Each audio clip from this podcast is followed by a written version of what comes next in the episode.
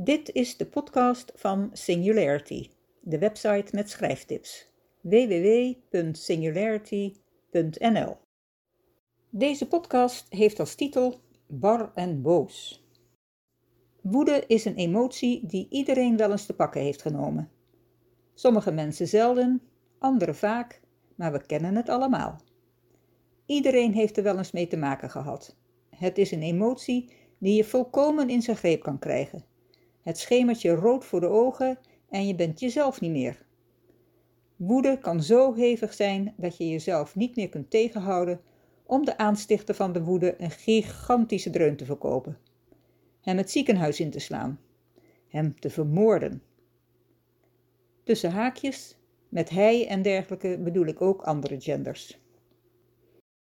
Een ideale emotie dus voor personages in je boek, om het conflict en de reuring op te zwepen waar dat nodig is. En dan is het essentieel dat je dat geloofwaardig schrijft. Zo moet er een overtuigende reden voor zijn. Niet per se voor de lezer zelf, maar wel zodanig beschreven dat het begrijpelijk is dat het personage in kwestie een moker op zijn vijand zou loslaten als hij zoiets bij de hand had. Maar niet elke woede hoeft zwaar te zijn.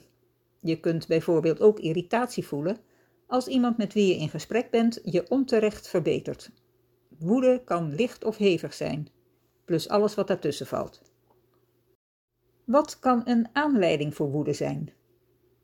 Er zijn diverse redenen waarom iemand boos wordt. Denk bijvoorbeeld aan frustratie. Bijvoorbeeld bij de creatieve sector, waarvan in coronatijd evenementen alweer ineens gestopt moeten worden of de frustratie van bioscopen, theaters en musea die worden gesloten. Net als de uitbater dacht dat die ellende achter de rug was. Of jaloezie, het groene monster. Of machteloosheid. Je personage wordt gearresteerd voor iets wat hij niet gedaan heeft, maar hij kan dat niet bewijzen. Of afgewezen worden. Je personage heeft eindelijk voldoende moed verzameld om de vrouw of man waarop hij verliefd is zijn liefde te verklaren, maar wordt dan door haar of hem uitgelachen. Misschien wil hij wel wraak nemen. Of voor gek gezet. Stel je voor dat je in een groep collega's helemaal blij een ideaal idee om een probleem op te lossen vertelt en dat die hufters je dan uitlachen en bespotten, omdat het niet mogelijk zou zijn. Je zou het scherpe fruitmesje dat je nog in je hand hebt zo naar ze toe gooien.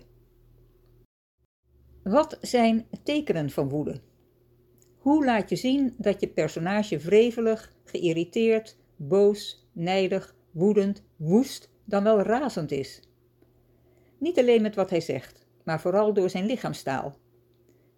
Een paar voorbeelden hoe je dat kan laten zien. Hij loopt rood aan. Hij laat zijn tanden zien. Hij knarsetand. Hij staart je met gloeiende ogen aan. Hij trilt. Hij klemt zijn kaken op elkaar. Hij schreeuwt en gaat tekeer. Hij balt zijn vuisten. Hij laat je niet uitpraten. Of hij spuugt naar je. Je boze personage hoeft niet per se agressief te reageren. Veel mensen, vaak introverten, kunnen laaiend zijn, maar passief reageren. Dat betekent niet dat ze per definitie minder gevaarlijk zijn dan agressieve boze mensen. Integendeel zelfs. Een passief boos personage dat wraak wil nemen, zal, in plaats van de veroorzaker van zijn woede rechtstreeks te confronteren, iets anders doen. Bijvoorbeeld zijn tegenstanders stiekem zwart maken bij anderen en beschuldigen van fouten, oplichting, onbetrouwbaarheid en andere narigheid. Hij kan zijn slachtoffer ook negeren, niet reageren als die wat zegt en doodzwijgen alsof hij niet bestaat. Nog een graadje erger, hij kan proberen iets te vinden waarmee hij zijn kwelgeest kan chanteren, anoniem, of stalken, of beschuldigen van diefstal of erger. Er zijn veel mogelijkheden om een verongelijkt personage zijn gram te laten halen. Zo kun je je verhaal boeiender en spannender maken en het je protagonist of een ander heel lastig maken. Maak er gebruik van. Ik ben aan het einde gekomen van deze podcast. Tot de volgende! Oh ja, vond je het leuk? Heb je er wat aan?